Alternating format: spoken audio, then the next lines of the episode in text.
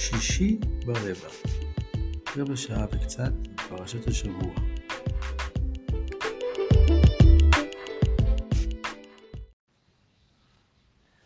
שלום לכולם, שלום לכולן, תודה לעוז וליונתן שהביאונו עד הלום. אה, הלימוד יהיה לזכרו ולעילוי נשמתו של הלל נחמיה בן בועז וחניתה לופן. השבוע הקרוב אנחנו מגיעים לשלושים לפטירתו, שזאת עוד נקודת ציון בפרידה שלנו ממנו, בפרידה שלו מעולמנו, מאיתנו. אה, נקווה שיהיו הדברים לעילוי נשמתו ולזכרו הברוך של הלל. פרשיות השבוע לנו, שלנו הן פרשיות ניצבים וילך. אנחנו מקפידים לקרוא את פרשת ניצבים לפני ראש השנה, הן מצד הפתיחה של אתם ניצבים היום כולכם, יש התקהלות של כולם, וכולם זה כולם, כולם, כולם, ראשיכם, שבטיכם, זקניכם, טפיכם, נשיכם, חוטא וצריך עד שואב מימיך, כולם עומדים בברית, זאת לא ברית שנעשית עם הנהגה, זאת לא ברית שנעשית עם חלק מה... נוכחים אלא עברית עם כולם לעבור בברית, כולם צריכים לעבור בברית. אה, והחלק הראשון מתאר את הברית, את הברית, את חובת השמירה על הברית ואת ההימנעות מהאלילות, מהשיקוצים, גילולי אמץ, אבן, כסף, זהב וכולי. הברית היא מול עבודה זרה, אנחנו מכירים את זה כבר מספר דברים, או שלא מעט פעמים מציין זאת. וההדגשה היא שמי שלא ישמור, אה, רבצה בו כל העלה כתובה בספר הזה, משה מצביע על איזה ספר, אה, ספר שמונח לו ביד, וחלק מהרקע של הברית פה הוא איזושהי אה, ברית שקשורה לספר. יש לי ספר, אני מחזיק אותו, זה ספר הברית, ספר הברית שמונח בפנינו.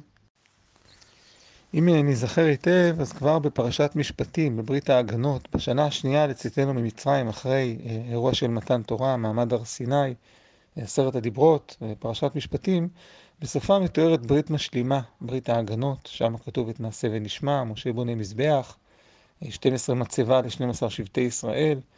מתכתב לנו קצת עם, ה, עם האירוע של הר גריזים והר עיבל, שהוא אולי הברית השנייה או השלישית, לא ניכנס כרגע לכל הנושא. ושם כתוב, ויקח ספר הברית ויקרא באוזני העם, ויאמרו כל אשר דיבר השם נעשה ונשמע. אז יש לנו כבר ספר של ברית שניתן בשנה השנייה. יש לנו כאן ספר ברית שניתן בשנת ה-40, ספר התורה הזה, הספר הזה, אה, כל הקהלה הכתובה בספר הזה. המילה ספר היא מילה שעוד נחזור אליה כאן בפרשיות האלה.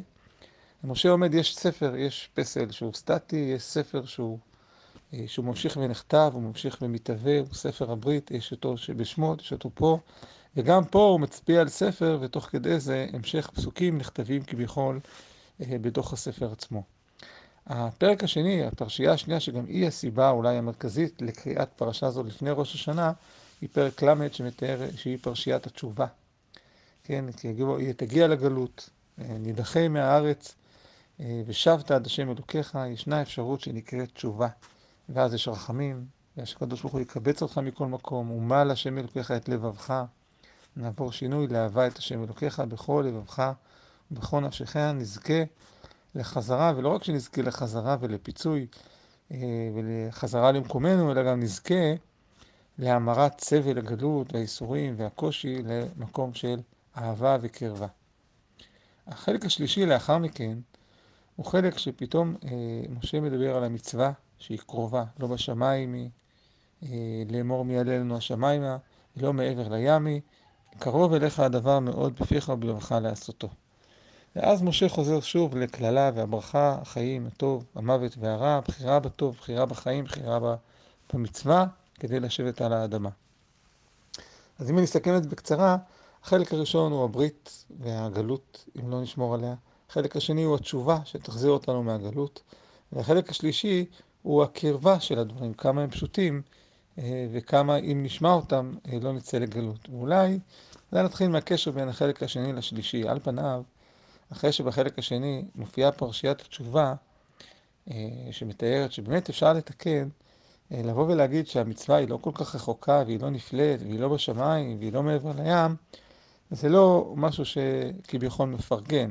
זאת אומרת, אם היה כתוב, זה באמת קשה, זה באמת מאתגר לשמור את המצוות וכולי, עמדתם בזה או לא עמדתם בזה, אבל אם לא עמדתם, יש לכם תשובה, זה היה סביר. אבל אם אחרי פרשיית התשובה פתאום מופיעה איזו תוספת שמשה אומר, ובסך הכל זה לא כל כך קשה לשמור על הדברים, אז אתה מיד תוהה, תוהה אז, אז, אז, מה, אז למה חטאתם בעצם? או למה היה צריך את פרשיית התשובה כדי שתתקנו את משהו כל כך אה, קל ופשוט אה, לתיקון ולעשייה? והאמת שגם אנחנו מכירים מחיינו ש, שיש נפילות, שיש ירידות, שיש נסיגות, שיש תהליכים בחיים שלנו, שבאמת המקום של התשובה הוא נצרך אה, לקיום שלנו. חז"ל יתארו את זה בזה שתשובה קדמה לעולם. למרות שלפחות מבחינת סדר הפרשיות היא מופיעה רק בסוף שלהי נאומו של משה, בדברים האחרונים ככה שהוא, שהוא ביום, ביום האחרון אולי, אה, בדברי הפרידה הסופיים שלו. אבל כשנקרא את המצווה שעליה מתואר כאן, נשים לב שזאת מצווה בלשון יחיד, שהיא מחזירה אותנו גם לפרקים קודמים כבר בתחילת נאומו של משה. והמצווה היא מצווה אחת, ספציפית, מסוימת, שעליה משה מדבר, ואולי אחד מחידושיו הגדולים של ספר דברים. המצווה היא מצוות האהבה. מצוות אהבה את השם אלוקיך ללכת בדרכיו. כן, אומר משה, המצווה שהיא לא רחוקה זה מצוות האהבה. איך מצוות האהבה יכולה לסכם את פרשיית התשובה ופרשיית הברית, מה גם שאחרי תיאור האהבה חוזרים לברית. יש ברית, לשמור מוצאתיו, חוקותיו ומשפטיו, וחית ורבית. אני חושב שהתשובה לזה היא שמשה מנסה לתאר בספר דברים אה, סדר מסוים, מובנות. הבסיס לכל קשר, לכל אהבה, הוא קודם כל מובנות, שאנחנו מבינים אחד את השני, מה כל אחד צריך לו. הקדוש ברוך הוא אומר, כשאני נותן לכם אה, תורה, מצוות, חוקים ומשפטים, מצד אחד אתם יש לכם חובות לעשות אותם, מצד שני, גם אני עובד דרך נישות מסוימות, ספציפיות. הבקשה מאלוהים היא כבר לא בקשה שרירותית, היא לא בקשה בלתי צפויה, אלא היא בתוך הקטגוריות הקיימות, בתוך הקטגוריות הנוכחות, וזה בעצם מה שמאפשר אהבה. המאבק הגדול של משה עם האלילות הוא מאבק עם אל שלא מבקש משהו ברור. כשאין בקשה ברורה, ממילא אנחנו חיים בחרדה. מי יודע מה הוא יבקש? אולי יבקש שנקריב איזה ילד, אולי יבקש שנשחט מישהו, אולי יבקש שניתן את כל הרכוש. התחושה מול האל היא של חרדה, של פחד, משרירות ליבו של, ה, של האל, או האל הזה או האל האחר, ודאי כשמדובר פה על האקלים האלילי של ארץ כנען. ואילו משה אומר, התורה הרעיון של התורה, הרעיון של החוקים, הרעיון של הסדר, כל פרשיית המצוות, הוא לא נועד רק כדי שאתה תדע מה לעשה, אלא הוא נועד גם כדי שהקדוש ברוך הוא יודע מה הוא מצפה ממך, ואתה יודע מה מצפים ממך, ואז נוצרת שפה של מובנות. אני יודע איך להיות בסדר, אני יודע איך להתנהג נכון, אני יודע שאם אני אשמור את זה, ואת זה, ואת זה, ואת זה, אז אני נמצא כרגע בקרבה, אני נמצא בשיחה, אני נמצא במובנות שמאפשרת גם בסוף אהבה, כמו שני בני אדם שברגע שיש להם שפה משותפת הם יכולים אה, לדבר, לכבד, אבל אם אין שפה משותפת או אי אפשר לדעת מה תהיה התגובה למעשה כזה או מעשה אחר, אז השרירותיות הזאת היא מייצרת חר, חרדתיות. ומול אלוקים משה רוצה לחנך אותנו בספר דברים אה, לקשר של אהבה וקרבה, לקשר שיש בו הבנה וממילא יכולה להיווצר בו אה, קרבה גדולה. ולכן יש ברית, הברית היא על הספר, הברית היא על החוקים, החוקים הם מחייבים. אפשר לתקן, אפשר לחזור בתשובה. ולמה יש בעצם חוקים מחייבים ואפשר לחזור בתשובה? והלמה זה הוא לא רק כלפי פרשיית התשובה, אלא הוא כלפי כל מה שנאמר קודם, אה, כדי ליצור אהבה. כי אהבה יכולה להיות רק על בסיס מובנות של בין אדם לאלוקים. הידיעה מהי התורה, מהי ההלכה, מהי המצוות, היא גם משחררת אותנו מאיזשהו, אה, מלהיות קדושים מעונים, או להיות סגפנים, או להיות אה, בלתי מסופקים תמיד. או אף פעם אנחנו לא יודעים, אנחנו מספקים את האל הגדול והנורא, מי יודע, אולי נחתוך לו גם יד אחת. אנחנו יודעים מה לעשות, יודעים איך לעבוד, יודעים מה נכון, ואז ישנו איזשהו שקט שמאפשר לחוש את הקרבה הפנימית לרוח, לעבודה הפנימית, מתוך ביטחון, מתוך יציבות, ולא מתוך עליות וירידות שהן אה, דרמטיות. מה שמאפשר את הביטחון והיציבות זה גם זה שיש סדר, אבל גם זה שאפשר לתקן. זה שאני יכול לבקש סליחה אחרי שטעיתי, זה בעצם מה שמאפשר תקשורת, והיכולת לבקש סליחה היא, היא על בסיס המובנות. ולכן אה, משה מסכם בעצם את הקרבה. מה הספר שלנו מלמד? הספר מלמד שיש קרבה, שיש חוקים, שיש מצוות. המצוות האלה הם הברית, אם נעבור עליהם, אנחנו נתרחק מהיציבות, נתרחק מהאדמה, מהארץ, שהיא מסמלת את היציבות שלנו. אם נאבד את היציבות, לא נהיה. אם נרצה לחזור, תמיד יקבלו אותנו בחזרה, תמיד נוכל לחזור ואפילו נגיע לאהבה, ומה לשם אלוקיך את לבבך. כי אנחנו נזכה שוב במתנת האהבה, כי נחזור למובנות ונחזור לקרבה. זאת בעצם הפרשה הראשונה, פרשת ניצבים. פרשת וילך, היא פתאום נותנת איזה טוויסט בתמונה ובסיפור. משה הולך ואומר את הדברים האלה לכל ישראל, והוא ממשיך, ואומר למשה, בן 120 שנה היום אני, אני רוצה לתת ליהושע, יהושע עובר לפניך, חזקו ואמצו, קורא משה ליהושע, אומר, חזק ואמץ, אתה תבוא.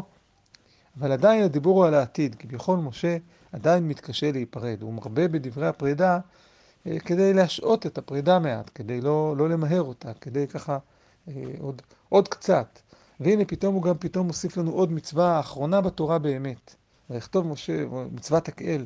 הוא כותב את התורה, יש לנו ספר, הוא כבר כתוב, ושימו לב שגם כשהוא כתוב הוא עדיין ממשיך להיכתב, זה חלק מסוד קסמו של הספר, של ספר התורה.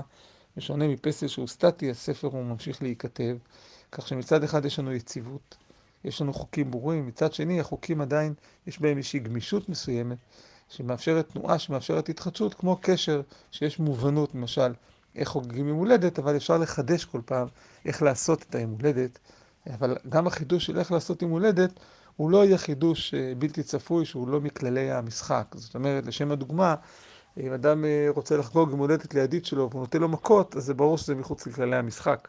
אבל אם אדם רוצה לחגוג יום הולדת והוא קונה לו עוגת גבינה או עוגת שוקולד, זה כבר יכול להיות בתוך התנועות השונות.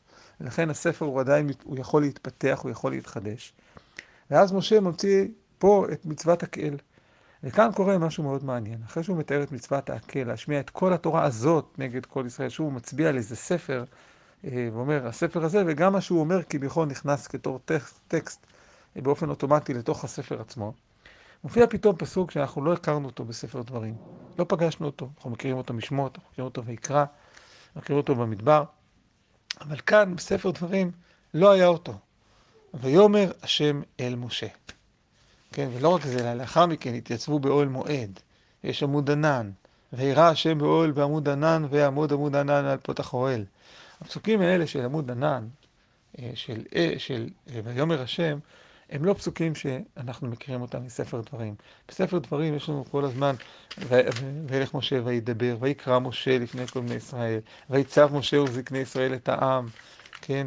ויאמר אה, משה, אבל אף פעם לא כתוב לנו ויאמר השם, כי בכל יש פה איזו פריצה לשידור. אה, משה מדבר, מדבר, מוסיף ומוסיף, ואולי היה לו עוד המון המון רעיונות, עוד המון המון מצוות אחרי הקהל, ואז פתאום הקדוש ברוך הוא בעדינות אה, אומר למשה, משה קרבו ימיך למות. או במילים אחרות, זהו, צריך להיפרד. והפריצה האלוקית לתוך הנאום הארוך של משה, היא בעצם מביאה לסיומו.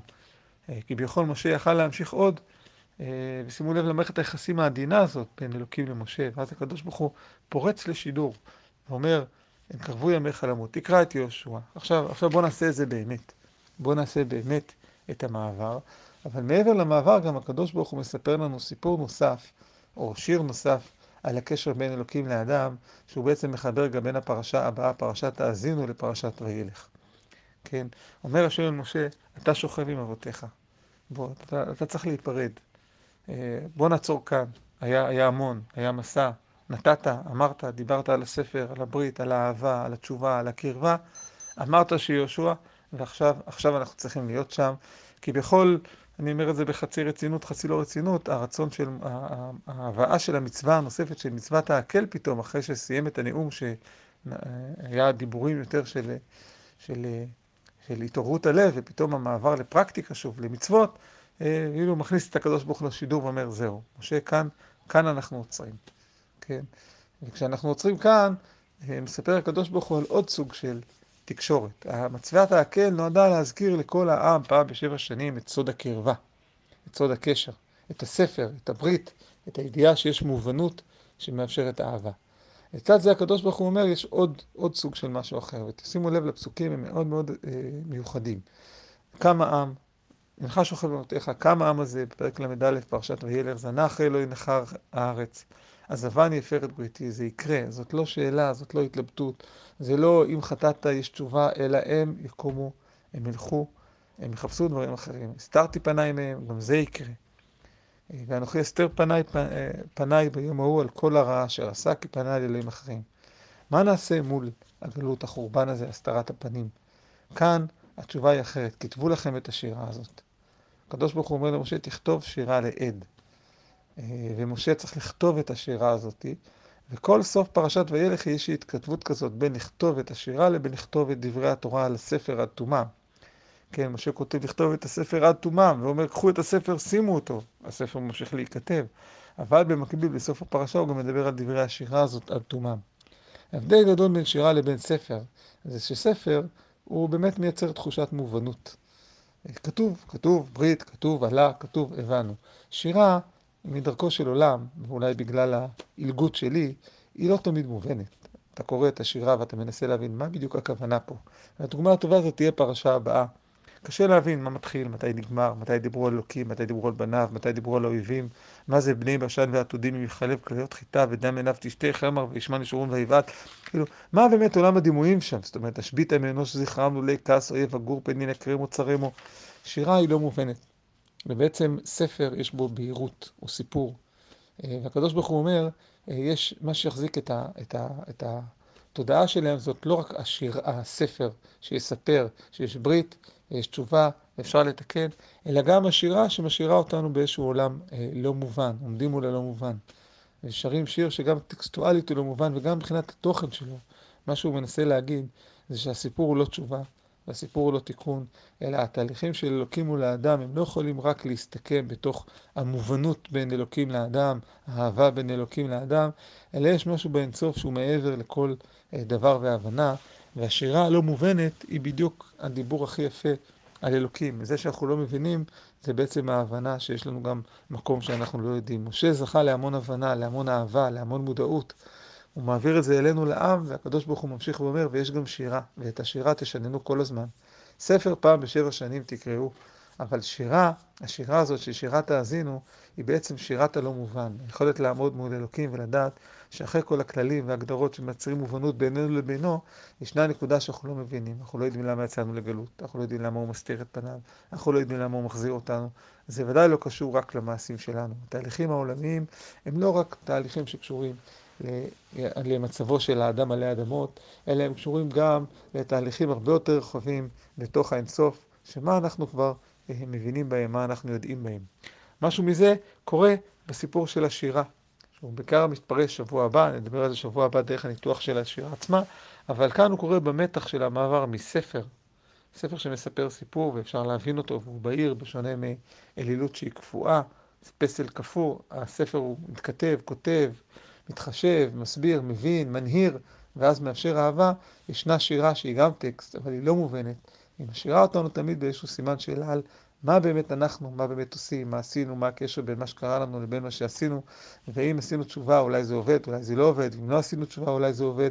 באיזשהו מקום התכתבות עם הרעיון העמוק הזה של חז"ל, שגאולה תלויה בתשובה בפרשת ניצבים, וגאולה אינה תשובה, אינה תלויה בתשובה בפרשת וילך, לפעמים התהליכים שקורים, הם לא רק קשורים אלינו, אלא יש פה איזו נקודה של שירה. אנחנו יכולים לשיר שיר מתוך הבנה שאנחנו לא מבינים לגמרי מה כתוב בו, ובעצם אי ההבנה היא גם, גם העמידה שלנו מול האלוקים. במובן הזה הקדוש ברוך הוא ככה עוצר בעדינות את משה ואומר, משה, אה, באמת, לך יש משהו מיוחד, היה שם משהו, אבל יש גם עוד זווית נוספת שגם היא קיימת, והיא הזווית של הלא מובן. היא הזווית שוירא השם באוהל בעמוד ענן, ויעמוד עמוד ענן על פתח האוהל, זאת ההסתרה. חזרנו לעמוד הענן, חזרנו להסתרה, חזרנו למרחק, חזרנו לאי הידיעה. אי הידיעה הזאת היא חלק גם מיחסי אלוקים ואדם, ולא רק המובנות, הבהירות שמאפשרת האהבה, ובעצם אה, הפרשייה הבאה, פרשיית האזינו, תסיים את, ה, את, ה, את התמונה הזאת ש, שמשלימה בין הספר שראינו אותו בפרשה הקודמת לבין ה... שירה שתופיע אה, בפרשת האזינו, שבת שלום לכולם.